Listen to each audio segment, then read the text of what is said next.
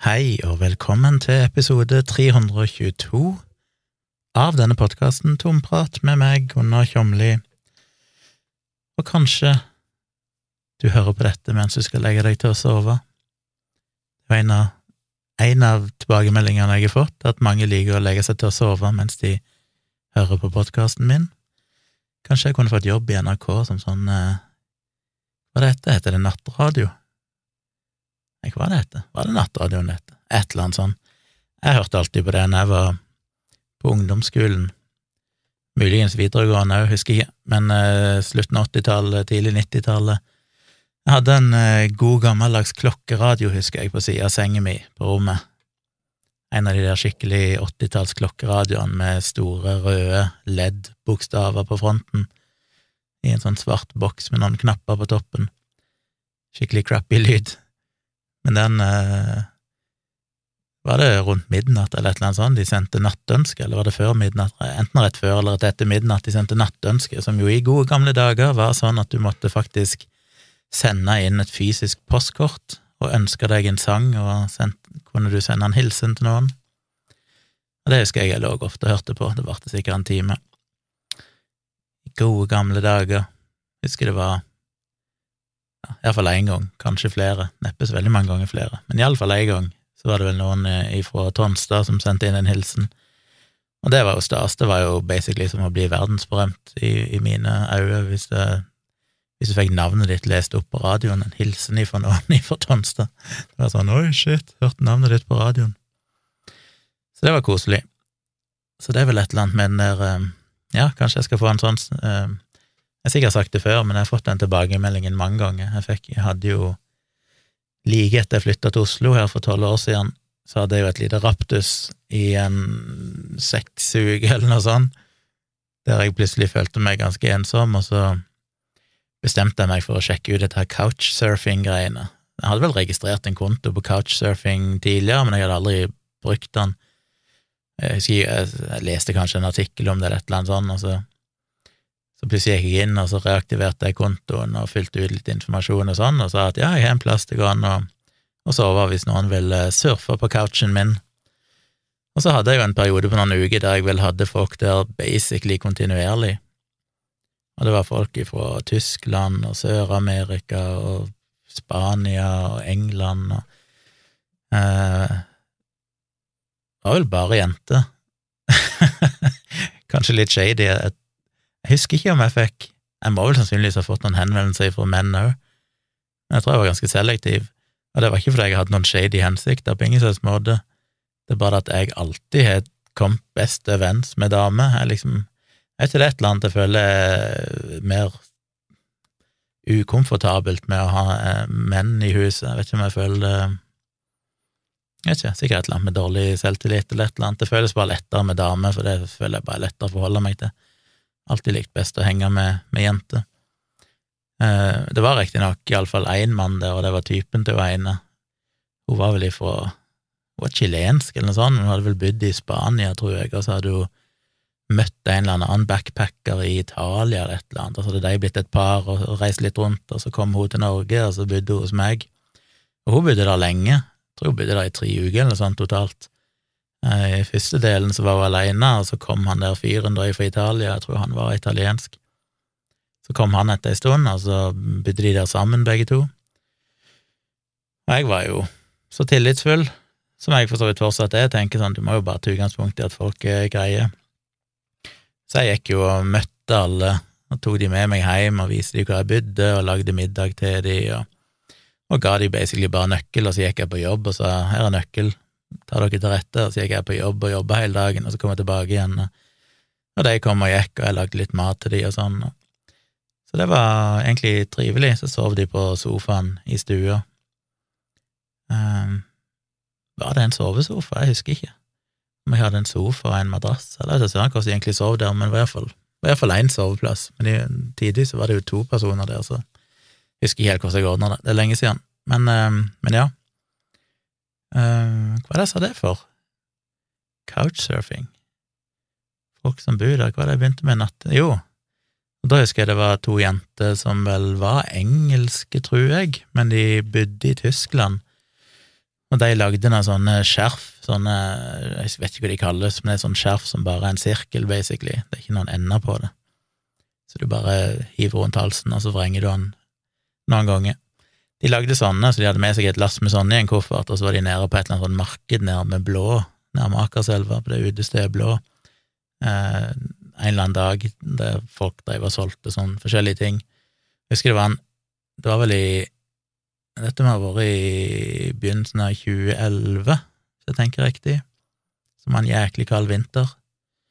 Jeg husker det var bidende kaldt, men jeg husker jeg var nede og besøkte de bare for å se på standen deres der nede og sånn, og hilse på de og, og greier. Men en av de jeg husker var kanskje første kvelden eller et eller annet, eller en av de kveldene de var der, så lagde jeg middag til de, som ofte var laksefilet med brokkoli og poteter og rømme og et eller annet greier. Det var liksom min spesialitet, og jeg syntes det var veldig godt. Og så ble jeg sittende og fortelle og prate om ting, og så var hun ene bare glippa med øynene og sa at å, det var så behagelig å høre på stemmen min, hun kunne bare ha sovna. Så det er jo tydeligvis eh, Vet ikke om det er en styrke eller en svakhet når du lager podkast, men eh, hvis folk bruker podkasten til å sove, så er jo det greit nok. Eh, kanskje jeg nå går inn i underbevisstheten. Husker jeg hadde en klassekamerat på ungdomsskolen som ikke var den skarpeste kniven i skuffen, gjorde det ikke så veldig bra på skolen, og han hadde fått for seg at han spilte inn, hvis vi skulle ha prøver sånn, så spilte han inn på kassett mye av liksom stoffet, og så lå han og hørte på det når han skulle sove. Og eh, den prosessen med å lese det inn er jo sikkert ganske lærerik, den gjør jo at du lærer ting. Men han hadde òg en idé om at hvis han sov med den på gjennom hele natta, så liksom ville gli inn i underbevisstheten hans, så han ville huske det veldig godt dagen etterpå. Jeg tror ikke det funka så veldig godt med tanke på karakterene han fikk, men men jeg kan jo håpe at noe av det jeg sier, glir inn i underbevisstheten til folk når de sovner. Men jeg elsker jo det når jeg er aleine. Eh, normalt når de siste årene så har jeg jo hatt en samboer, og de siste ja, Hvor blir det nå? Nå er det vel fire, fire og et halvt årene der jeg har bodd sammen med Tone. Så sovner jeg veldig lett. Da er det liksom sånn Jeg ligger og leser litt på mobilen, og så skulle jeg legge den vekk og skru ha lyset, og så legger jeg meg, og så Vi er jo veldig klengete, meg og Tone, vikler føttene inn i hverandre og ligger eh, De første minuttene, iallfall. Det tar sikkert ikke så lang tid før jeg snur meg igjen, men jeg må liksom alltid ligge inntil og holde rundt og sånn i begynnelsen. Og så sovner jeg temmelig fort. Men nå når jeg plutselig er her alene i Vennesla, så, eh, så merker jeg at det å bare legge seg til å sove, det er litt sånn jeg vet ikke, jeg blir stressa av det. Det er liksom bare plutselig legge ned mobilen, og så skal jeg bare ligge der og ikke gjøre noen ting. Så da ender jeg opp med å, å sette på en podkast, og så bruker jeg jo den podkast-appen som heter Pocketcast. Og i den og i mange andre apper så kan du jo sette på en sånn timer, en sovetimer, som faktisk i denne appen faktisk er merka med sett, så den er tydeligvis beregna på nettopp det formålet at du skal sove. Og da kan du sette den til å skru seg av automatisk etter fem minutter, eller ti minutter, eller 15, eller 30 pleier å sette den på 15 minutter, og de aller fleste gangene så sovner jeg, tror jeg, før det er gått fire minutter, eller noe sånt, så jeg allerede sovna. Så når jeg skal høre videre dagen etterpå, så må jeg liksom spole tilbake inn i ti minutter, minst, for å komme der jeg var. Um, så ja, det er jo en greie. Jeg uh, var jo og tok bilder i Oslo. Jeg vet dere sikkert ikke syns det er verdens gøyeste ting å høre om disse bildene, men hei, jeg må jo fortelle om de få tingene som skjer i livet mitt. Jeg har jo, etter jeg kom hjem fra Oslo nå forrige søndag, altså for litt over ei uke siden, så har jeg jo, bortsett fra én dag der jeg eh, fikk en melding av dattera mi om jeg kunne hente henne på bussholdeplassen og kjøre opp til kjæresten hennes som bor her i, i nærheten. Eh, bortsett fra det, så har jeg jo ikke sett folk, og har nesten ikke vært ute av huset. Og det er jo sånn det er. Jeg har, jo ingen venner her. Jo, hva skal jeg gjøre, liksom? Det er det det er sånn, ja, det er dattera mi, når hun er her, så er det trivelig. Bortsett fra det, så så har jeg jo ikke noe annet å gjøre enn å sitte her. Jeg var ute én dag, jeg hadde et møte med regnskapsføreren min eh, for å avklare noe i forhold til det nye regnskap Fiken, og hvordan jeg skulle bruke det i forhold til Kvalia AS, mitt nye aksjeselskap og sånn. Så satt en time og prata med henne nede på den lokale kafeen her, Fabrikken. Men, men, ellers har jeg bare vært innendørs. Jeg har vært én gang, nei, to ganger på butikken. Nei, én gang på butikken, jeg husker ikke.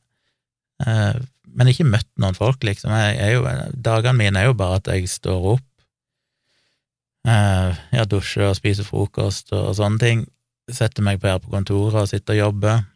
Tar noen pauser, ser på YouTube og diverse, jobber, og så til slutt så går jeg og legger meg igjen, og så står jeg opp neste dag, og så, så, så det som redder meg, for sånn har det jo vært ganske lenge, bortsett fra at jeg har hatt Tone her tidligere, sånn at jeg i hvert fall har hatt noe sosial omgang med et menneske. Um, men jeg har jo fortsatt tatt litt problem med at det ikke er så mye jeg er ute av huset. Og det som har redda meg nå, og som gir meg bedre samvittighet, er jo denne, denne tredemølla som jeg kjøpte meg, som jeg fikk rigga opp inne på garderoben her på sida av soverommet. Det var enkelt å rigge den opp.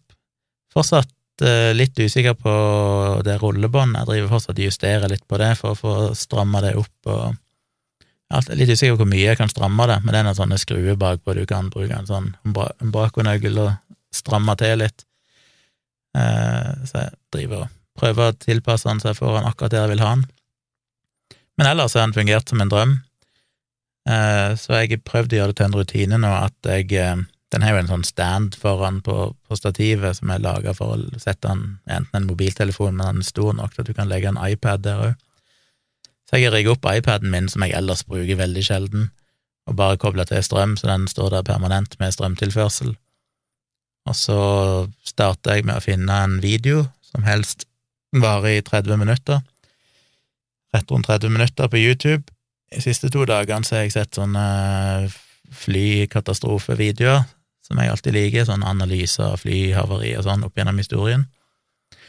Eh, og så setter jeg i gang og det er jo ganske patetisk, men eh, dere syns vel at jeg er verdens mest patetiske fyr når det gjelder treninger, men jeg begynner veldig forsiktig. Jeg har jo ikke vært i fysisk aktivitet omtrent siden pandemien starta de tre siste årene, så jeg har jo nesten ikke gjort annet enn å sitte, sitte på en stol foran datamaskin. Og det takes it to its toll on uh, your body til en middelaldrende mann. Så jeg må ta det rolig. Så jeg sa jo, når jeg har snakket tidligere i podkasten, at målet var egentlig bare å gå i første omgang, bare fordi at det er jo bedre enn ingenting. Uh, alle skrittene jeg kan få, all fysisk aktivitet, alt som kan få pulsen til å øke litt, er liksom et, er bedre enn å ikke gjøre noen ting. Så jeg begynte jo med, og jeg liksom måtte tilpasse meg litt og finne ut hvilke hastigheter og sånn som funker, men, men de siste dagene så har jeg gått uh, på et sted mellom fem og seks kilometer i timen, og det er ganske kjapt. Da går du da går du veldig fort, og ikke så langt ifra at du begynner å jogge, så det er liksom noe av det raskeste du kan gå før du liksom må begynne å jogge. Så jeg går egentlig temmelig fort. Altså, de første dagene har jeg bare gått i en halvtime. Og så i går så begynte jeg først med å, å Eller i forgårs, var det vel. Så tenkte jeg nå skal jeg prøve å jogge òg. Så de siste fem minuttene Jeg gikk da veldig fort i 25 minutter, så ok, de siste fem minuttene skal jeg jogge, så da gøffer jeg den opp til åtte eller ni kilometer i timen eller noe sånt og så jogga jeg, og så, så var det jo Jeg holdt jo på å krepere. Det var sånn fem minutters jogging, så var jeg jo helt ødelagt. Jeg tenkte sånn, dette her dette er ikke sunt, for jeg kjente at det pressa bak i nakken, og tenkte nei, nå kommer jeg til å få hjerne, hjerneinfarkt. jeg var helt overbevist om jeg var sånn klar til å ringe eller trykke 911 på telefonen i tilfelle jeg bare kollapsa på, på tredemølla der. Men jeg overlevde. Så gjorde jeg det samme i går. Og så i dag så tenkte jeg jeg skulle uppe den litt og prøve ti minutter, så da gikk jeg i 15 minutter, og så jogga jeg i fem minutter, og så gikk jeg i fem minutter, og så jogga jeg de siste fem minuttene igjen. Og poenget med det er bare at Altså, gåing er jo noe du kan gjøre, det, jeg kan jo gå lenge, det er ikke noe problem, jeg får opp litt puls og alt dette her, og det er kjedelig, men jeg kunne jo gått i timevis. Men jogging, derimot, med en gang du, en gang du switcher gir ifra det å bare gå veldig fort til å jogge, så er det en helt annen greie. Da er det, da er det plutselig sånn det er en begrensa ressurs, en begrensa kapasitet til hva jeg kan klare. Og Derfor er det en fin målestokk på om jeg faktisk merker at det, at det gjør noen fremgang. Så det er liksom planen, da, å bare, ja, i utgangspunktet nå bare jogge litt mer hver gang, eller kanskje jeg skal holde det på ti minutter noen ganger nå, og så kanskje øke neste gang til at jeg jogger og går eh, hvert femte minutt om en annen. Og målet er jo bare å føle at jeg merker at det blir lettere, for det er jo litt deilig at når du blir helt ødelagt første gang, så har du iallfall en slags baseline, da vet du det at ok, det kan bare gå framover, og du vil ganske fort merke hvis det går framover. Eh, det hadde vært verre hvis det begynte ganske lett, liksom. Så det er egentlig litt fint å bare føle at det er så krise. Men det gir meg litt god samvittighet. Det er ikke all verdens med trening, men det er liksom Hvis jeg klarer det hver dag, så er jeg jo nesten oppe på, på det de anbefaler som en sånn minimum. Og med tanke på hvor farlig stillesitting og manglende aktivitet er og sånn, så hjelper det godt på samvittigheten å bare få gjort det lille der. Og så er jo dilemmaet da at når jeg er i Oslo, som jeg da framover kommer til å være sånn cirka halve måneden, så bryter jo det rutinen med en gang, og det er jo det verste jeg vet, når jeg liksom prøver å få til en rutine, som jeg har gjort nå, klart å gjort dette hver dag, og så reiser jeg til Oslo og så er sånn, ok, men der har jeg ikke noe tredemølle. Eh, teorien kan jeg kjøpe ei tredemølle der òg, men det koster mye penger, og det er ikke så veldig god plass der, så man, her kan den jo stå permanent. Men det er jo en sammenleggbar tredemølle, så i teorien så kan en liksom legge den sammen og ha den inntil veggen, men, men jeg vet ikke, jeg tror ikke jeg orker det. Det blir litt for mye penger å bruke, så iallfall i første omgang, må først være helt sikker på at jeg kommer til å klare å holde koken. Så det jeg vurderer å gjøre, det er jo det som Tone snakket om i sin podkast eh, nylig, hvis dere sjekker ut Tone. Hun har jo vært produktiv etter nyttår, gitt ut podkast Ja, hun har vel gjort det hver uke, tror jeg. Det er iallfall målet hennes. Så det kom en del nye episoder, og i den forrige episoden så snakket hun litt om det med treningsangst. For det hun meldte seg inn i på Fresh Fitness i, uh, i Oslo, der meg og hun trente litt sammen med ei venninne av oss for en uh, ja, Var det rett før pandemien, det? Må vel ha vært det. I 2019 eller noe sånt. Um, og det var for så vidt greit nok, uh, selv om det varte jo ikke. Vi kutta det vel ut. Vi kutta det vel mye ut fordi pandemien kom òg. Nei, vi kutta det vel ut før pandemien. Jeg husker ikke. Anyway, det vi slutta til slutt. Nei, vi kutta det vel ut fordi vi flytta, ja, selvfølgelig, for vi bodde jo på Tøyen da, og så flytta vi opp til Haugenstua, da ja, havarerte alt. Men hun har en plan om å begynne å gå der, og de har jo sånn tilbud nå for å lokke alle, alle med nyttårsforsetter. Så jeg så nå hadde de tilbud på 49 kroner eh, ut mars fram til 1. april. og så er det jo relativt dyrt, og eh, ja, alt det, Jeg vet ikke hva det koster på vanlig treningssenter, her koster det vel 349, med mindre du binder deg til et år, da får du det for 299 i måneden. Men jeg tenkte om jeg skulle bare hive meg på det der 49-kronerstilbudet,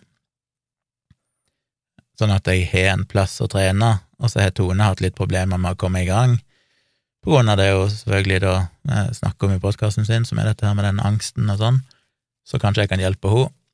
Og da har jeg ikke noen store ambisjoner om å bruke styrketreningsapparater og sånn, men det er bare egentlig for å ha tilgang på en tredemølle. Så da kan jeg prøve når jeg er i Oslo, så kan jeg gjøre samme rutiner der. Bare ganske kjapt, bare gå inn og så i utgangspunktet gå og jogge en halvtime eller mer etter hvert som jeg blir i bedre form. Det som er deprimerende, er jo selvfølgelig når han teller kalorier. Fordi en blir alltid like bevisstgjort på hvor ekstremt lite det har å si for, for det med liksom vektnedgang, det å trene så lite, eller du skal liksom trene ganske intensivt i ganske mye lengre periode før det begynner å brenne nok kalorier til at det har noe for seg. Men selvfølgelig, alle kaloriene brenner er jo en god ting, men det skal jo ikke mer til enn å spise en, en håndfull nøtter omtrent, så har du fått tilbake igjen all energien som du brukte opp på den halvtimen, så så det virker, det er alltid litt demotiverende. Du føler liksom at når du stresser og svetter og sånn, så tenker du sånn Han har forbrent 1500 kalorier, og så er det sånn Nei, det var 150 kalorier. Ja, ja. Ok, det er liksom en sjokolade, knapt. Men ja, så jeg får se. Det er mulig jeg eh, slenger meg inn på Fresh Fitness hvis eh, Ja, hvis jeg føler for det.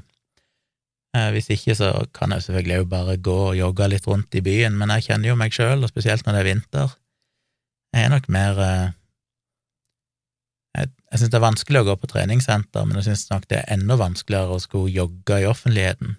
Hvis jeg bare går, så er det jo greit nok, da kan jeg jo gå rundt i byen. Men jeg klarer ikke å gå i samme tempo som jeg går på tredemølla, for i byen så må du stoppe hele tida, det er trafikklys, og det er ting i veien, og det er glatt på vinteren og alt mulig sånn. Eh, så det, jeg liker det liksom ha det der fokuset, og så bare gå i en fast hastighet lenge, og kunne opprettholde det tempoet. Så gåing er jo greit, men det å jogge, at folk skal se meg jogge, iallfall før jeg har fått en del bedre kondisjon enn jeg har nå, Det er verre. Da vil jeg heller eh, Det kan jeg heller gjøre på ei tredemølle. Jeg føler meg faktisk litt mer anonym der. Så vi får se. Vi får se. Jeg eh, vet ikke hva jeg skal snakke om i dag, det er så mye piss her i verden. Eh, jeg begynte vel å si jeg tok bilde av Brasserie Hansken, jeg fikk endelig redigert det ferdig i går. Det var krevende å redigere, for det Denne gangen skulle jeg egentlig bare ta bilde av Hva er det igjen de kaller det, nå må jeg google det. Um, det er sånn uh, fancy Fancy navn.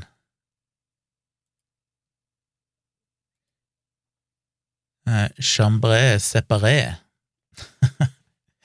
Som basically bare betyr at de har et rom der du kan sitte og spise. Et litt atskilt rom. Men selvfølgelig, når det er i restaurantverden, så må du ha et fancy navn på det, så det er Chambré separé.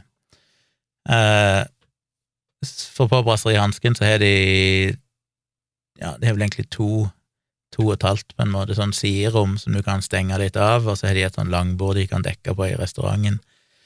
Og de får en del henvendelser der folk spør om det, både liksom sånn hvis vi kommer med 20 gjester, hvordan, hvordan bord kan vi få da, har dere plass til det, har dere et langbord? Eller folk som sier at de vil ha sånn chambre-separé. sitte på et eget rom, og så har de liksom mangla bilder da til å, å vise hvordan det ser ut. Så det var jo litt nytt for meg. Tidligere har jeg jo stort sett tatt bilder av mat og folk og kjøkken og sånn. Denne gangen så var det jo egentlig en slags boligfotografering. Det var jo ingen mennesker, det var bare at de hadde dekka på bordene veldig fint, med hvit duk og glass og bestikk og alt mulig sånn, og så skulle jeg ta bilde av det. Og det er jo ganske nytt for meg, og jeg, jo, jeg, må, jeg må jo liksom bare fake it till you make it. Till you make it. Jeg vet jo egentlig ikke hva jeg driver med når jeg plutselig skal gjøre noe sånt. Så jeg eh, hadde med meg noe lys, hadde med meg ei venninne som var litt medhjelper, kunne holde litt lys og hjelpe meg med å flytte litt lys og sånn. Ble veldig usikker på Altså, jeg gjorde begge deler, tok noen bilder med lys, altså med blits, men det er litt krevende òg, for det var lange bord og lange lokaler, og der er selvfølgelig vinduer og speil på alle veggene, så det er nesten umulig å få plassert blitser og sånn uten at du får refleksjoner, og uten at du ser deg sjøl. Så det var skikkelig krevende å finne sånn, kan jeg stå her, kan jeg stå her, nei, der ser jeg meg sjøl finne vinkler du kan stå i uten at du ser deg sjøl i speilbildet eller i vinduet, eller at du ser blitsene, så hun der stakkars venninna mi måtte hele tiden springe rundt der og sånn, ja, kan du dra blitsen litt lenger bak, litt lenger bak, ja, ok, der, ja, nå ser jeg han ikke, prøve å lure han bak et hjørne, men allikevel nærme nok til at han ga nok lys og sånn. Så det var litt vanskelig å få lysatt det jevnt, jeg måtte være litt kreativ med å ta blitsen av stativ og gjemme han bak et bord, sånn at han blitsa oppover mot taket og prøvde å spre lys ned igjen. og mye fancy greier som ga litt kul effekt, men, men det som er problemet med, med, de her bildene, er at det er veldig små, trange lokaler, sånn relativt sett, og så skal du få tatt bilde av alt i ett bilde, og da må du bruke en ekstrem vidvinkel. Og når du bruker disse ekstreme vidvinklene, så blir jo alle vegger og, og ja, det, det, er jo ingen linje som blir rette lenger. Det ser ut som veggene bøyer seg innover, ikke sant.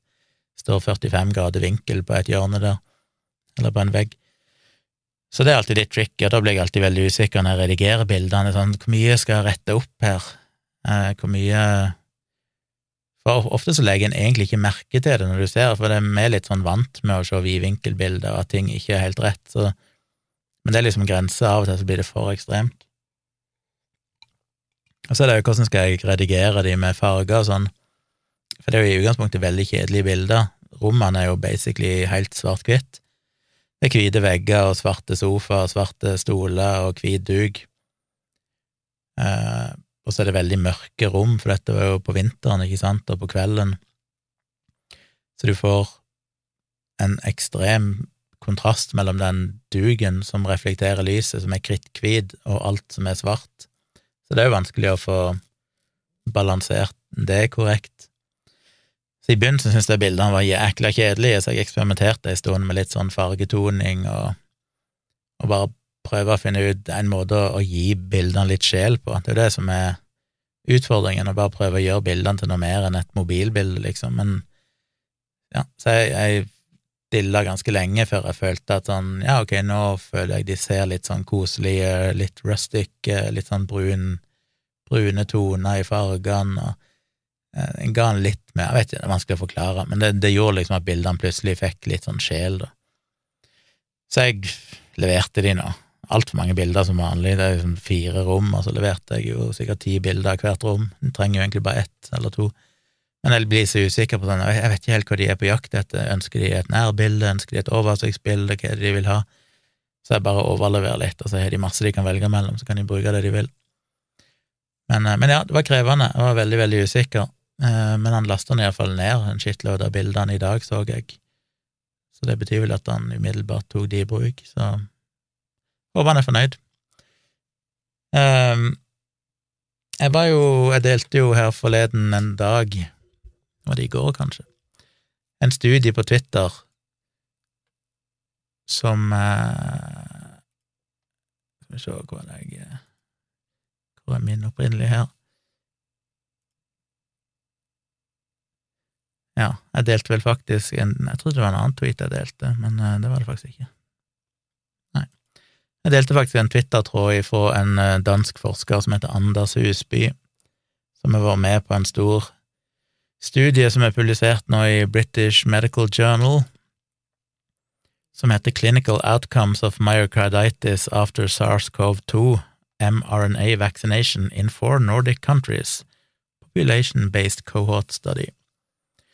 Og det er en studie gjennomført ved, ja, i Danmark, da, så det er vel primært danske forskere, men de har sett på data fra de nordiske landene, og sett da på ja, helt ifra 1. januar 2018 og fram til ja, et, jeg vet ikke helt hva den siste datoen var, men et stykke ut i 2022, altså fra Danmark, Finland, Norge og Sverige.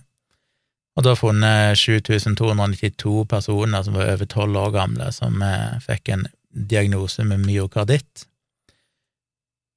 Og så, ja, og totalt er det jo 23 millioner mennesker da i, i disse landene over tolv år. Og så så de egentlig på utfallet, og jeg skal ikke gå gjennom detaljene i studien, jeg skal lenke til den, men poenget var at de fant jo da at det var ekstremt mye lavere risiko ved altså konsekvensene av å få myokarditt etter mRNA-vaksine var veldig mye lavere enn hvis du fikk den enten det de kaller for konvensjonelt, altså at du bare får det av helt andre årsaker, eller at du får det av eh, covid-19.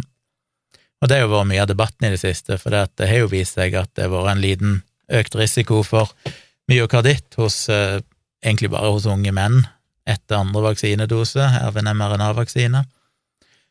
Eh, men så er jo spørsmålet er det en grunn, til, å, grunn til å fraråde vaksinering til denne gruppa.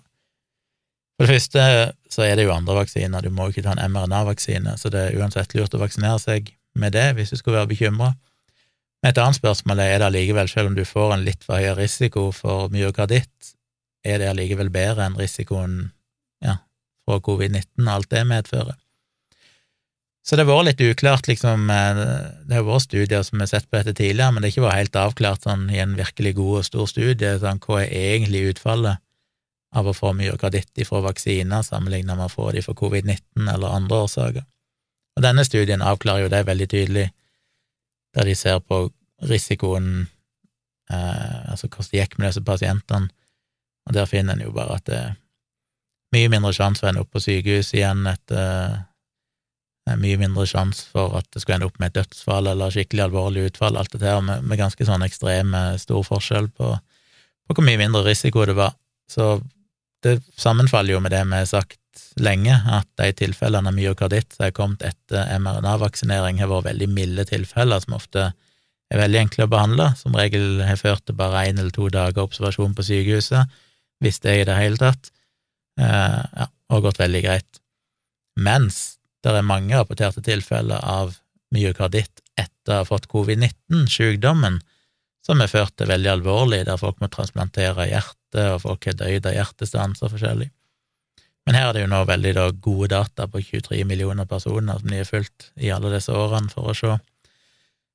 Så jeg delte jo den på Twitter og skrev at uh, ja, jeg skrev bare kort sagt ny stor studie bekrefter at myokarditt fra covid-vaksiner er ekstremt mye mindre farlig enn myokarditt fra covid-19. Og så kom jo selvfølgelig så mange dumme kommentarer. Nå ser jeg nettopp jeg har fått en ny en her, det er de som skriver Hvem er hun? Ja, det var hun, ja. Hun så jeg faktisk hadde lika en annen idiotisk tweet, og tenkte sånn shit, det står at hun er biolog. Det er sånn, Jeg blir så deprimert. Hvordan kan du Hvordan kan hun være biolog og ikke forstå noen ting som helst? Eh, jeg lurer på om de bare faker de der titlene sine. Men hun skriver sånn 'Dette er da bare tull. Etter vaksine' Og så skriver hun 'vaksine' i hermetegn, for selvfølgelig, dette er jo ikke ekte vaksiner. Etter vaksineutrullingen skjøt myokardittraten i været. Vel, for det første, det er jo bare tull. Uh, myokardittraten generelt sett skjøt jo ikke i været på noen slags måte, det er jo kun den ene subgruppa med unge menn uh, der det har vært en for høyere risiko, men til og med der er det ikke akkurat sånn at det skyter i været. Men eh, Så hun driter seg ut med det, og det samme gjør selvfølgelig jo der Silje Skei, hun der psykologen, som jo er totalt konspi-koko. Hun eh, gikk jo med en gang ut og delte en tweet av hun der Tracy Høeg, hun danske forskeren som var mye omdiskutert tidligere, for det hun klarte vel å fremstille noen VAERS-data på vanlig måte, drive og grave i VAERS-data, så konstruerer du noen scenarioer som er helt totalt idiotiske, som skulle vise at vaksinene var farlige, fikk mye kritikk for det. Men hun hadde jo selvfølgelig gått ut mot denne studien og, og liksom screenshotta en tabell fra studien som viste at det var mange flere tilfeller av myokarditt hos de vaksinerte enn hos de som fikk covid-19. Og det er sånn, ok, det er to feil med det. Det ene er at ja, det er ikke det studien så på, studien så ikke på risikoen for å, å få myokarditt. Og sånn som hos Synd, som hun heter, som hun biologen som svarer her, dette er da bare tull, etter vaksineutrullingen skjøt myokarditteraten i været. Ja, men det er jo ikke det studien så på, det er ikke det jeg skrev i tweeten min. Det vi snakker om her, er hvor farlig er det for myokarditt? Er det for en mer alvorlig variant etter covid-19 enn etter vaksinen? Og det er jo det de har vist her, at risikoen for myokarditt etter vaksinen er mye mindre i alvorlighet. De ser ikke på antall tilfeller, for det er jo allerede etablert at ja, risikoen er høyere, det er flere myokardittilfeller hos vaksinerte unge menn som har fått to doser, men det er jo ikke det de diskuterer her. Og det er ganske utrolig at Tracy Høeg, som jo er en respektabel forsker i utgangspunktet, klarer å gjøre en sånn idiotisk feil der hun for det første eh, prøver liksom å vri vekk poenget til studien, som jo ikke handler om, om risiko for å få myokarditt, men heller over på ja, men se her, det var jo flere som fikk de for vaksinen. Til å selvfølgelig da ikke forstå det gamle klassiske som vi jo alltid kommer tilbake til, som er det som kalles for base rate fallacy. Altså det med at hvis du bare har absolutte tall, så forteller jo det oss ingenting fordi ja, kanskje det var ti ganger flere vaksinerte som fikk myokarditt enn uvaksinerte, men hvis det òg er ti ganger flere som er vaksinert enn som ikke er vaksinert, så betyr jo det at det er like mange i begge gruppene. Så det å bare vise de absolutte tallene uten å ha noen relative tall som sier hvor stor prosentandel av alle vaksinerte var det, og hvor stor prosentandel av alle uvaksinerte var det, så gir det jo ingen mening.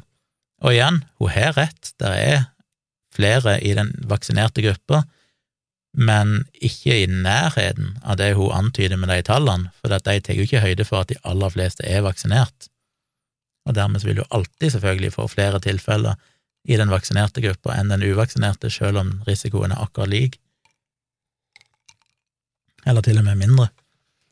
Så ganske patetisk. Silje Skei går selvfølgelig rett i fella, umiddelbart. Hun, hun er jo rett og slett bare dum. Uh, Tracy Høeg, som en burde forvente mer av, men hun har jo på en måte skapt seg et Det er jo det vanlige, da. De skaper seg et image, ikke sant. De, de begynner et eller annet sted, og så blir de omfavnet av antivaksine og alle høyreekstreme podkaster og nettsteder og sånn, og så får de plutselig masse berømmelse, og de får masse penger, de blir betalt for å delta på ting og alt mulig sånn. Og så er de fanga i det narrativet. Da, etter det, så må de liksom bare fortsette med løgn og, og bullshit, for det hvis ikke, så må de på en måte innrømme at ja, ok, det, det som jeg ble kjent for for et halvt år siden, det var jo egentlig bare tull, det òg. Så de har liksom ikke noe valg. De må liksom bare fortsette å lyge, da, for å opprettholde imaget sitt. Men så kommer det jo da Det jeg egentlig skulle snakke om, det var selvfølgelig en fyr, en av sånne vanlige idiotkontoene som bare sitter og tvitrer antivaksine og høyreekstreme ting. Eh, så skriver det umiddelbart sånn Gud hjelpes, ny stor studie, la meg anta at det kommer fra samme supperådet som sa at vaksiner skulle stoppe covid. Og så svarte jeg han umiddelbart og sa har du en referanse til at et supperåd sa at vaksinen ville stoppe covid? Og så går det mye fram og tilbake, da han selvfølgelig hevder at jeg har kjøpt og betalt og bla, bla, bla, men etter mange tweets og, og over et døgn så har han jo ennå ikke klart å vise en eneste plass der noen faktisk har sagt at vaksinen skal stoppe covid. Og det kan høres ut som en bagatell, men det er ganske viktig og ganske provoserende, for det er jo et av de der narrativene som går igjen i antivaksinemiljøet, det er at vi ble lova at hvis alle vaksinerte seg, så ville covid forsvinne. Nei, det gjorde vi ikke. Det er kun én vaksine i verdenshistorien som har utrydda et virus, og det er koppevaksinen, tilbake på 70-tallet. Eh, det er ingen som har en forventning om at en vaksine skal utrydde et virus. Det som var målet, for det første, er jo, som alltid ble både i, i disse studiene til Pfizer og Moderna og sånn, det var jo å, å se om det begrenser symptomatisk sykdom, eh, og det som har vært målet da hele veien, er at det skal begrense alvorlig sykdom og død. Det var det, det vi i utgangspunktet håpet på med, med en vaksine, det var liksom målet med vaksinen, og det har de jo på alle måter innfridd med til og med nå etter omikron-varianten og alt dette her, så er jo fortsatt effekten mot alvorlig sykdom og død veldig, veldig god hvis vi har to, minst to doser. Eh, så det er jo én ting. Eh, så vil de selvfølgelig henge seg opp i dette med at ja, men de sa at de ville redusere smitten. Ja, der har jo effekten vært mindre enn det vi hadde håpet, men han er jo langt bedre enn null, og jeg vet ikke snakker om dette til det kjedsommelig før, men men det er bare så frustrerende, fordi igjen, med antivaksinefolk så finnes det ingenting imellom null og 100. Det er enten bare enten så er noe totalt ineffektivt, eller så er det 100 effektivt. Ivermektin er 100 effektivt, ifølge Brett Weinstein og co. Det er liksom en vidundermedisin, kurerer alle. Eh, men hvis en vaksine bare er 80% effektiv, så er den i praktisk talt i deres øyne 0% effektiv, for alt, blir rundet, alt som er under 100% blir runda ned til null. Eh, så det er jo samme med smittsomhet. Eh, han begrenser jo smitte veldig godt i starten, og så synker det. Men hvis effekten er sunket til 50% så er det i deres òg 0 Men 50% er fortsatt en halvering av risiko for å bli smitta, som er veldig, veldig betydningsfull eh, i en pandemi når det gjelder å begrense hastigheten på spredningen av smitten og, hvor mye du kan gjenåpne samfunnet og sånn. Men for deg så eksisterer ikke tallet 50. Det er liksom enten null eller hundre. Og det er altså så frustrerende. Og jeg diskuterte diskutert og diskutert dette her, og viser data på data. Nå var det jo en ny studie som jeg hadde sett på, på unger, og for det er jo mange som hevder at ja, men vaksinen har egentlig ingen effekt på unger, og fant at den hadde faktisk veldig god effekt på unger òg, små barn, på, på smittsomhet. Eh, reduserte smitterisiko hos barn, så det definitivt kan være et godt argument for å, å vaksinere. Men iallfall, poenget er bare det at jo, han virker mot smitte, han virker ikke 100% mot smitte, han virker ikke 90% engang, ikke 80 nå lenger, men han virker, nå vet jeg ikke hva de siste dataene er, men han virker temmelig godt mot smitte òg. Og ja, det er kanskje mindre enn det vi hadde håpet på, men det var uansett ikke det som var hensikten med vaksinen. Jeg blir bare så lei, og det er så typisk at disse her folkene alltid kommer og er veldig aggressive på dette her med å være liksom veldig sarkastisk og bedrevitende med sånn ja, samme supperådet som sa at vaksiner skulle stoppe covid. Jeg har hørt det altså så mange hundre ganger, og så spør du de ok, kan du vise et eksempel? En eller annen plass der en eller annen i helsemyndighetene har sagt at eh, hvis dere vaksinerer dere, så stopper covid, eller da får vi fjerna covid, eller da et eller annet. Selvfølgelig kan de ikke vise en referanse på det, for det er aldri blitt sagt. Det er ingen som noensinne har hevda det. Det er kun vært snakk om å bremse smitten og kunne gjenåpne samfunnet og, og redusere risiko for alvorlig sykdom og død. Så det, det, er så rart at de ikke de ser det sjøl, når du kan drive en sånn Twitter-greie fram og tilbake der jeg spør han gang på gang, og han prøver å roe seg vekk og sier sånn ja, du sier sånn og sånn, men du har fortsatt ikke svart meg på spørsmålet, kan du gi meg en referanse? Og så er det liksom en 40 eh, personer nå, ser jeg, som har lika den tweeten hans, og så jeg spurte de andre sånn, ja, kan noen av dere andre som liker denne tweeten, dere må gjerne gi en referanse, dere. Selvfølgelig ingen som sier noe, for de er jo ikke interessert i sannhet. De er jo bare interessert i å beskytte den der bobla de lever i, denne ideen om at vi hadde rett hele tida, vaksinen virker ikke, eller vaksinen er farlig. Uansett hvilke data som kommer fram, så bare kommer vi til å bestemme oss for at det vil vi tro. Så det er sånn som er eksepsjonelt irriterende. Og det var litt relevant, for jeg fikk jo en mail her til min mailadresse, som er tompratpodkast at gmail.com, hvis du har lyst til å maile meg, ifra Odd Magne, som er en uh, ivrig lytter, og som stadig vekk mailer med ting, og han skrev han hadde hørt på en ja, Det er en gammel episode, episode 268. Gudene vet hva jeg snakket om der, men det er jo ja, 80 episoder sier han, så det er jo en eller annen gang i fjor.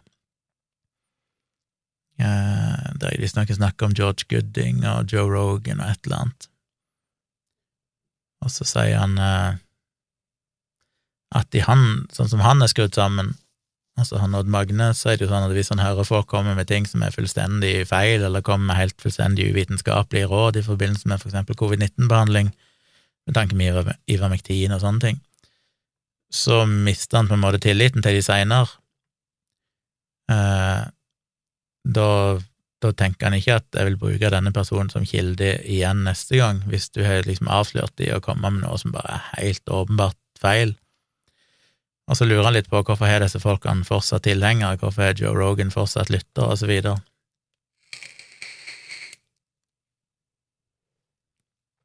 Og det er jo litt av det samme som jeg snakker om mange ganger, at jeg bare blir veldig frustrert. Hvorfor Altså, Joe Rogan er jo et litt spesialtilfelle, for han er jo ikke en, på en måte en primærkilde sjøl, han er jo en podkastvert som dessverre har hatt med veldig mange idioter i podkasten sin som har spredd Han er nok en av de viktigste årsakene til at mye av denne desinformasjonen om covid har fått fotfeste og fått spre seg, fordi han har hosta folk som Robert Malone og eh, Peter McCullough og denne her gjengen. Så han har jo hatt, spilt en veldig viktig rolle i å spre desinformasjon, men det er jo på en måte ikke han direkte, selv om han jo selvfølgelig kommet med mye piss ifra egen munn, men det er jo ikke han sjøl som kommer med det. Og dermed vil jo mange selvfølgelig alltid forsvare han med at ja, men han lar jo bare alle komme til orde, og så får lytteren sjøl gjøre seg opp en mening, for han har jo òg vært med fornuftige folk. Det er jo en sannhet med modifikasjoner, da, for når det gjelder vaksiner og covid, så har han vel ikke hatt med noen fornuftige folk på veldig lang tid. Han var jo pro-vaksine i begynnelsen av pandemien, da anbefalte jo Joe Rogan vaksiner og hylla vaksiner og hvor fantastisk det var, og så gradvis så begynte han jo å bli antivaks. Eh, og etter det så slutta han jo å ha med folk som faktisk har noe fornuftig å si om vaksiner og pandemien. Men han, han, blir jo litt sånn fordi at de, ja, fordi han, han, blir forsvart med at ja, men han lar jo bare begge sine for å si, komme med, med sine meninger. Eh, men når det gjelder mer sånn direkte, sånn som Brett Weinstein og, og fagpersoner som Peter McCullough og Robert Malone og sånn, så er jeg jo helt enig, eller Silje Skei her i Norge. Eh, det er sånn, hvorfor i all verden er det noen som lytter til det i det hele tatt? Når hver eneste gang de sier et eller annet, så finnes det massiv dokumentasjon som viser at det de sier er fullstendig feil, det er totalt i strid med det alle oppegående fagpersoner i, verden mener. Men så er det jo nettopp derfor de sier det, da. For hvis ikke det hadde vært i strid med det alle fagpersoner sier, så hadde det ikke hatt noen verdi for de å si det. Jeg er jo tilbake igjen til det vanlige jeg alltid snakker om, kontrarianisme og dette her med å markere seg sjøl gjennom å være uenig med majoriteten. Det er det som gir dem en verdi, det er det som gir dem selvfølelse. Det er den snarveien til å fremstå som smart for dumme folk, som jeg pleier å kalle det. Eh, late manns måte å prøve å fremstå som smart på. Så istedenfor å faktisk sette seg inn i ting og forstå ting, så bare inntar du den motsatte posisjonen av det majoriteten gjør, eller det etablissementet eller eliten gjør, og dermed så kan du late som at du har gjennomskuet de, du har sett skjønt noe som ikke til og med disse smarte folkene har skjønt. Dette ble jo bekrefta i den forskningen jeg gikk gjennom her for en del episoder tilbake, som viste jo i studie etter studie etter studie at de folkene som er mest uenige med covid-tiltak og mest kritiske til vaksiner, over hele linja var de som var mest kunnskapsløse, men òg oftest mente at de hadde bedre kunnskap om dette her enn det fagpersonene sjøl hadde men de, kunne, de, hadde minst peiling på naturvitenskap generelt sett, enten det gjaldt evolusjon eller hva som helst av, tema du spurte de om, så hadde de egentlig null peiling på det. Eh, så kan en diskutere om det er en Dunning-Kruger-effekt, vi har jo diskutert det òg i en tidligere episode, om det er egentlig en reell effekt eller ikke, men i den versjonen folk kjenner det, så passer det jo at jo, de er så dumme at de tror de er smarte, altså de er så inkompetente at ikke de skjønner hvor inkompetente de er, de tror de er veldig kompetente. Så jeg vet ikke, jeg blir jo bare frustrert. Jeg, frustrert, jeg har jo ikke noe godt svar, men, men, det er nok det som er svaret mitt. At uh, hvorfor velger folk fortsatt å tro på Robert Malone når, når det bare helt åpenbart er feil, det han sier? Uh, Det er mye cherrypicking òg, det har vi jo sett. Det har jo Decoding the Gurus vært veldig flinke til å, å, gå gjennom når det gjelder Joe Rogan og sånn, for eksempel, når folk sier at nei, men han har jo egentlig ikke sagt sånn og sånn. Og så kan du gå gjennom podkastene og høre hva han egentlig sier, og så er det ganske ekstreme ting han sier, eller sånn som Peter McCullough. Det var jo tilbake i den Spotify-greia, når folk boikotta boikotta Spotify fordi at de hosta Joe Rogan, hadde betalt han 200 millioner dollar eller et eller annet for å være der. Eh, så var det det, hvordan kan du gjøre det når han hoster en fyr som Peter McCullough? Så er det sånn, ja, men Peter McCullough har ikke sagt noe annet, det må jo være lov å være kritisk til vaksinene. Men når du faktisk hører hva han sier, så er det ikke det at han er kritisk til vaksinene, men det at han eksplisitt sier at amerikanske myndigheter visste at vaksinene ikke virka, og de visste at det fantes gode legemidler som for eksempel hydroksyklorokin eller Ivermektin som virka, men de holdt det tilbake igjen for folk, for de vil at folk skal dø. Altså Når du kommer med påstander som er så konspiratoriske, som basically sier at myndighetene er ute etter å drepe sin egen befolkning, what they don't want you to know, da er det et par steg over det med at du bare er liksom litt skeptisk til de nye mRNA-vaksinene. Og det går òg ofte igjen, det er veldig mye cherrypicking av hva som faktisk er sagt. Eh, det minner meg jo veldig om, eh, om Jordan Peterson. Jeg skal ikke mer enn et par år tilbake, der husker jeg sjøl, mulig jeg nevnte dette nylig i en podkast, men, men uh, skal ikke langt tilbake i tid, jeg må se om jeg klarer å grave det fram på Facebook, men jeg husker det var noen debatter om, om, Joe, nei, om Jordan Peterson var klimaskeptiker eller ikke.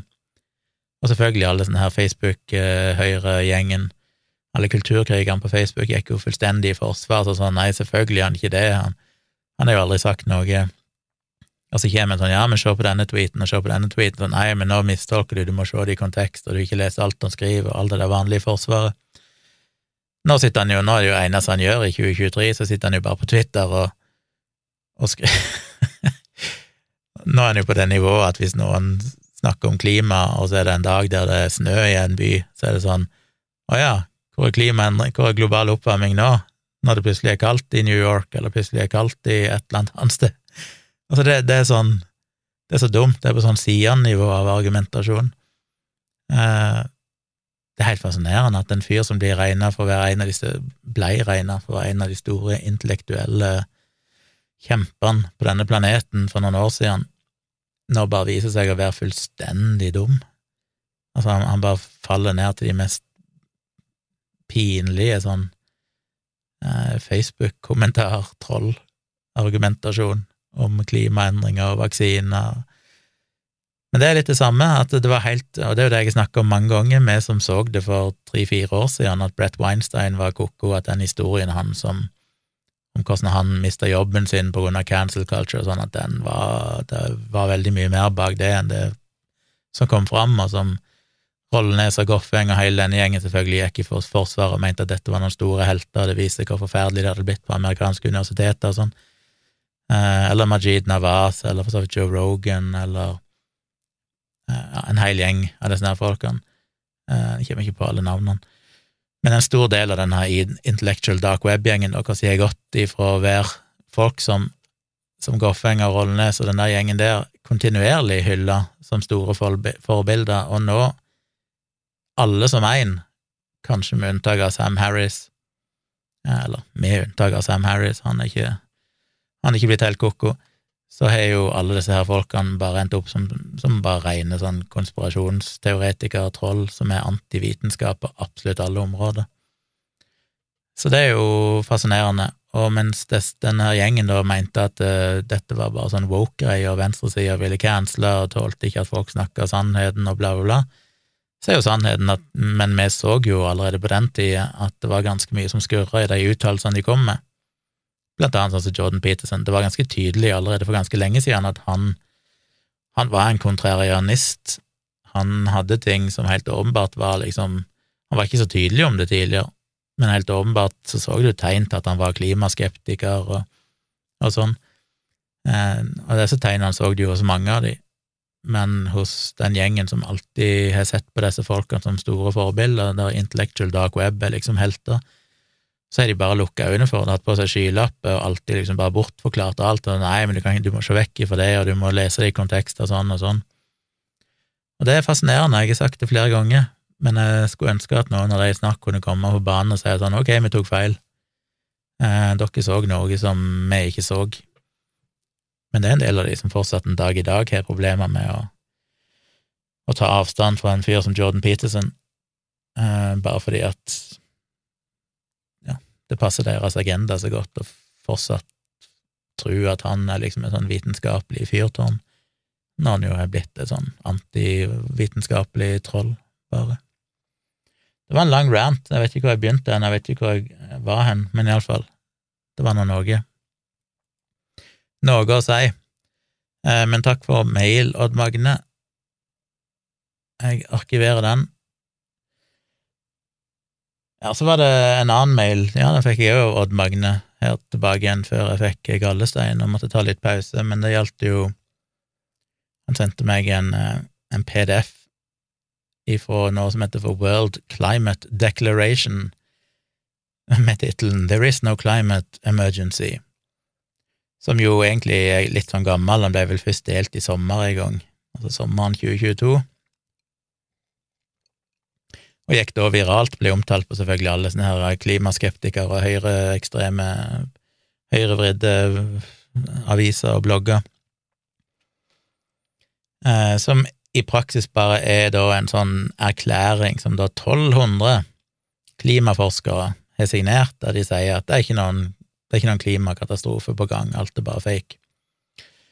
Eh, så World Climate Declaration ble vel først delt 27. juni i fjor, og hovedbudskapet deres er jo litt som de der norske klimaskeptikerne. Det er jo sånn at klimaet på jorda har jo alltid variert, helt så lenge jorda har eksistert, og det er helt naturlig at det er varme og kalde perioder. Så det er ikke noe, ikke noe å bekymre seg over. Det er helt naturlig at uh, vi kanskje er inne i en litt varmere periode, og det var mye varmere før, og alt dette her tullet.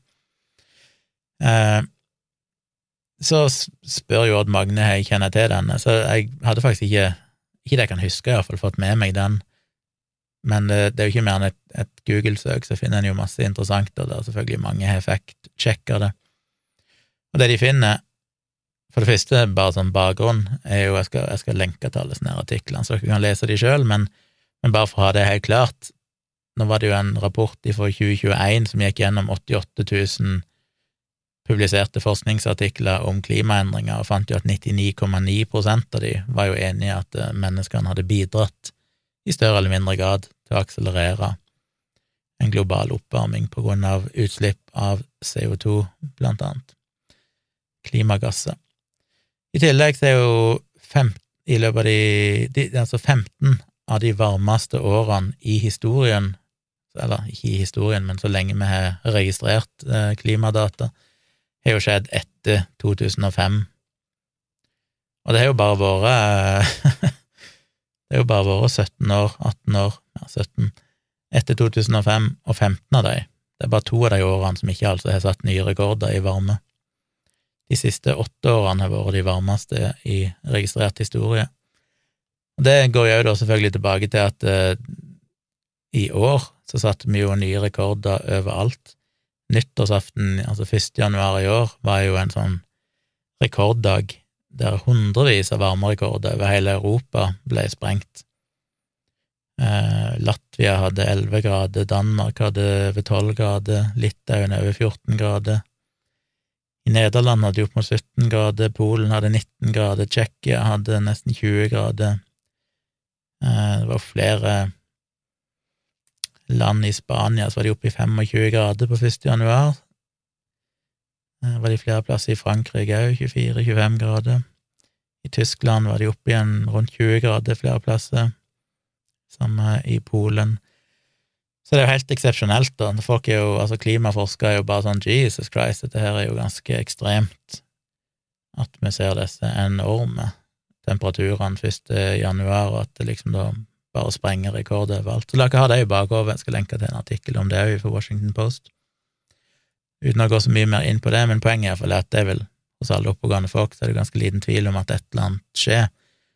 Og det disse klimaskeptikerne ofte blander når de sier at ja, men se på grafen her, det har vært varmere perioder før. Ja, det er det. Men det handler ikke om den absolutte temperaturen, det handler om hvor fort det skjer. Det er jo stigningen på kurven som er skummel. Tidligere så er det jo gått som regel hundrevis, eller oftere tusenvis av år, eh, når disse her endringene skjer, som blant annet de, selv om det òg kan ha hatt negative effekter, så får òg da økosystemene og sånn mer tid til å tilpasse seg. Det som skjer nå, er jo at det skjer så ekstremt fort. I løpet av noen tiår, sånn hundre år omtrent, så har jo temperaturen steget så dramatisk som den er. Så liksom, det er jo, alle har jo sett disse grafene der du ser den helt absurde stigningen de siste, siste årene.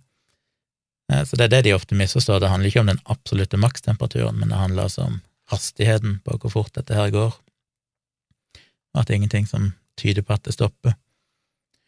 Eh, men tilbake til denne World Climate Declaration.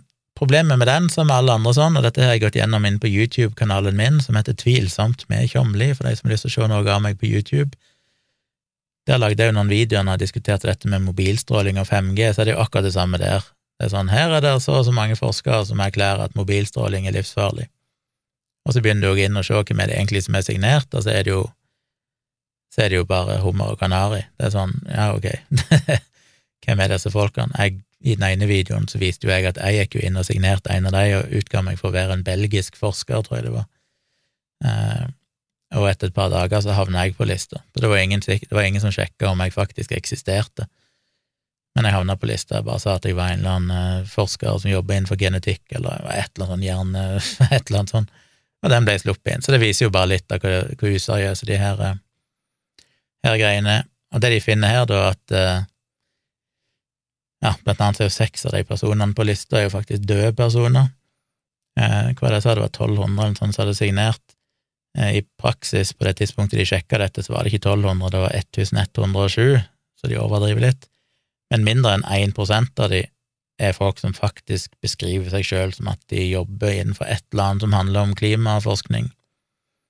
Eh, flere av de er jo da viser seg er ansatt i svære oljeselskaper og sånne ting, og mange av de har bindinger til olje- og kullindustrien.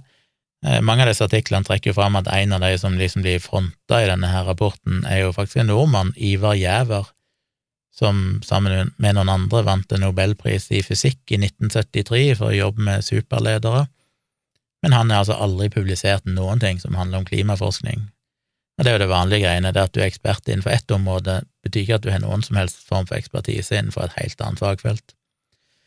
Eh, skal gå til en annen artikkel, der sto det litt mer om, eh, om innholdet her. Det sto blant annet at ja, selvfølgelig er jo veldig mange av de som er signert, har jo da tilknytninger til sånne her klassiske høyrevridde tenketankene i USA, sånn som Heartland Institute, The Competitive Enterprise Institute og Cato Institute, som jo i veldig stor grad er finansiert, selvfølgelig, ifra oljeindustrien.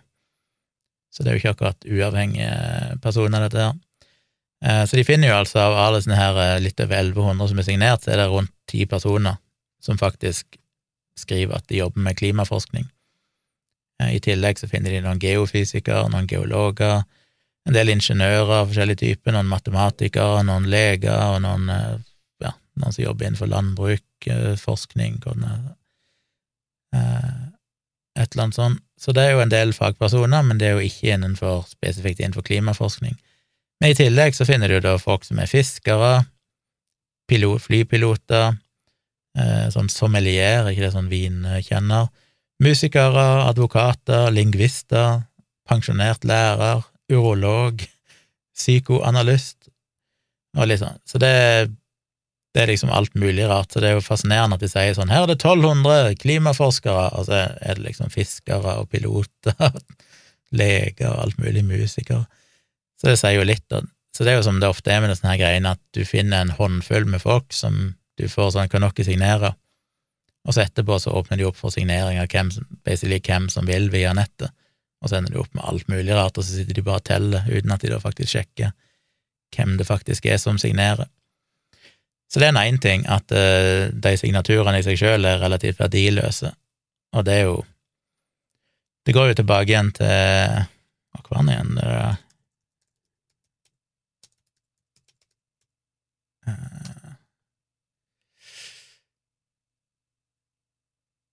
hvor var det igjen det gikk? Nå husker jeg ikke farten.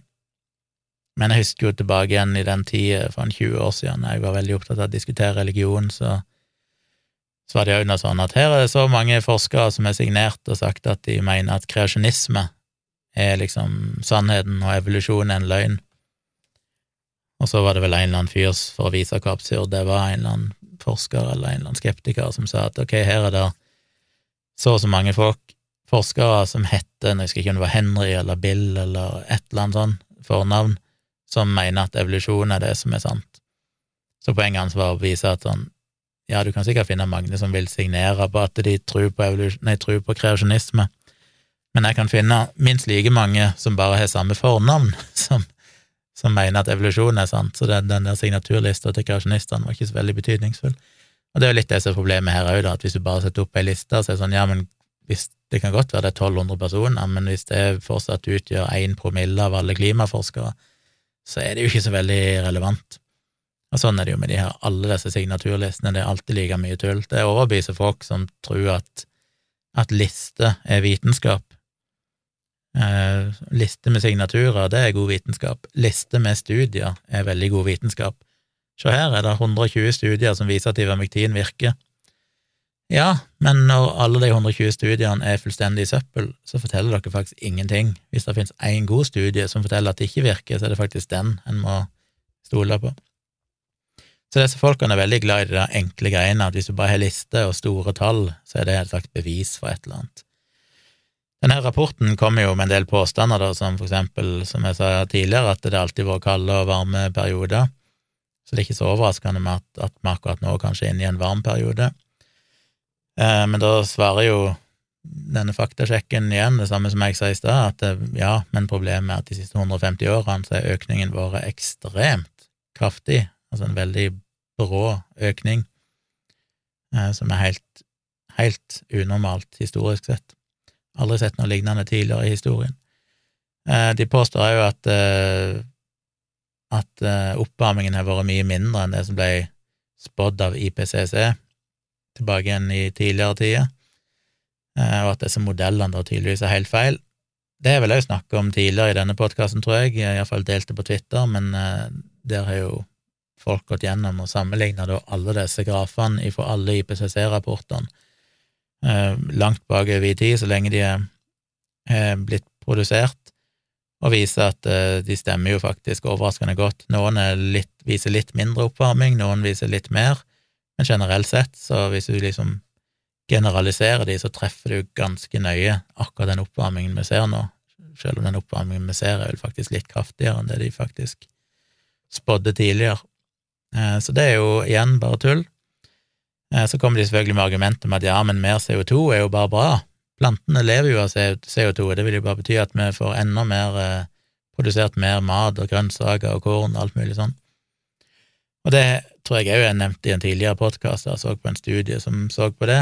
Jeg husker ikke helt hvor detaljene der var, men poenget er sånn, ja, det er jo riktig det at litt mer CO2 kan faktisk være bra for plantevekst, men det er ganske begrensa hvor mye CO2 planter kan ta til seg, og det varierer veldig fra forskjellige planter.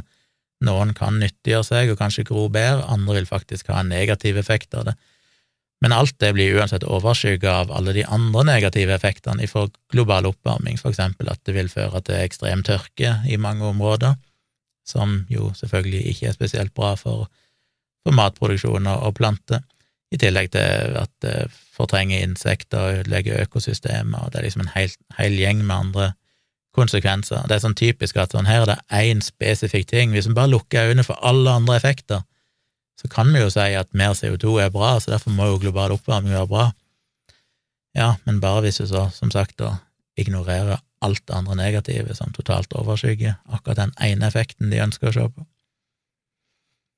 Eh, og så er det det med at det ikke er noen statistisk evidens for at global oppvarming fører til at det blir mer orkaner, flommer, tørke, bla, bla, bla.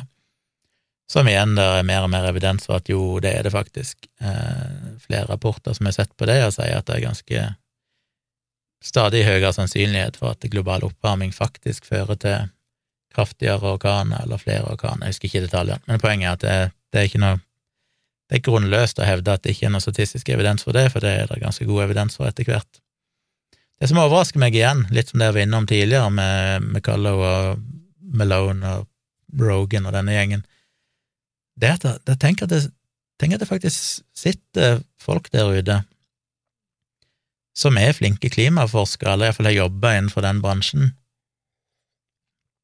eller det fagfeltet. Er sikkert en, en høy utdannelse, doktorgrader og sånn, og så signerer de på noe sånt som dette, som for eksempel sier at ja, men mer CO2 er jo bra for plantene. Det er sånn, de kan jo ikke være så dumme at de ikke Jeg mener, til og med en ungdomsskoleelev kan jo forklare det prinsippet med at selv om CO2 kan være bra for plantevekst for noen arter, så vil den medfølgende tørken og alt dette her være negativt.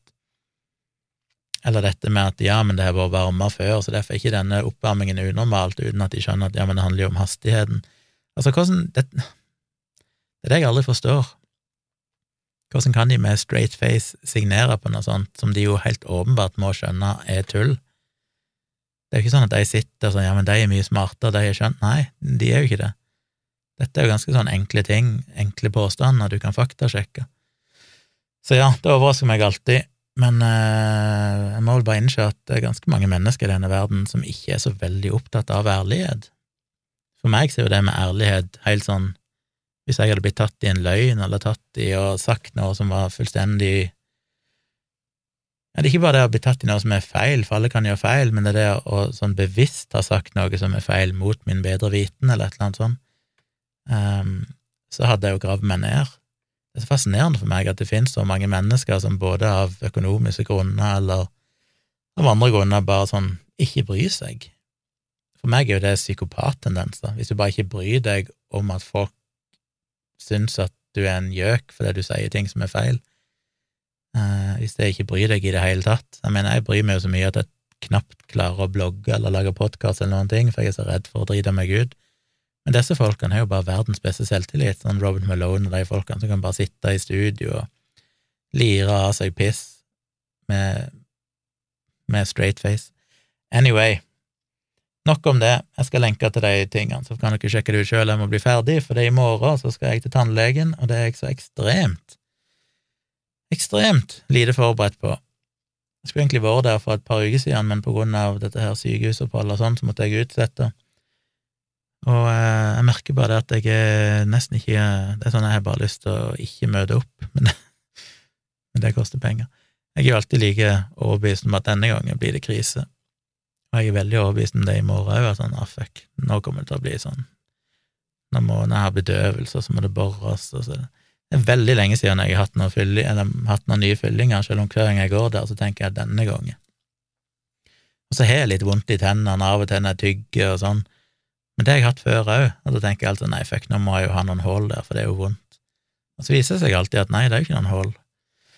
Så jeg vet ikke, jeg får bare krysse fingrene. Jeg hadde jo sånn vurderte jo om jeg skulle ta den tannlegetimen den uka etter jeg var på sykehuset, for da gikk jeg jo på så mye smertestillende at jeg tenkte dette er jo en gyllen anledning til å gå til tannlegen nå som jeg allikevel er helt neddopa. Men jeg gjorde ikke det, så, um, så ble det ikke noe av det. Til slutt et par anbefalinger. Jeg føler jeg hadde flere, men jeg ikke noterer de ned fortløpende, så glemmer jeg de. Men rett før jeg gikk ned og spilte inn podkast nå, så så jeg en ny episode i en Netflix-serie som heter Filmene vi vokste opp med. Og den syns jeg er litt gøy. Jeg elsker jo sånn uh, det er jo mange sånne YouTube-videoer òg, Vice og andre som lager sånne ganske kule sånn halvtimes dokumentarer om for eksempel eh, ja, sanger fra 80- og 90-tallet som var store, der du får se hvorfor Følger liksom intervju med artisten og sånn, og hva var det som gjorde at denne sangen Hvordan ble denne sangen laga, og hva skjedde? Jeg elsker jo all sånn behind the scenes-greie. Den Netflix-dokumentaren tar jo for seg en del av de 80- og 90-tallsfilmene som var veldig populære, alltid fra Halloween og Friday the 13th og uh, ja, en del sånne skrekkfilmer. Den jeg så i dag, var jo Robocop. Skal vel òg ha Alien i, i, neste episode, og et eller annet sånt, noe komedie og sånn. Men jeg elsker jo sånn, da du får hele bakgrunnshistorien om hvordan ble manuset til, alle problemene de hadde under innspilling, og alle utfordringer, alle rare ting som skjedde, alt mulig sånn.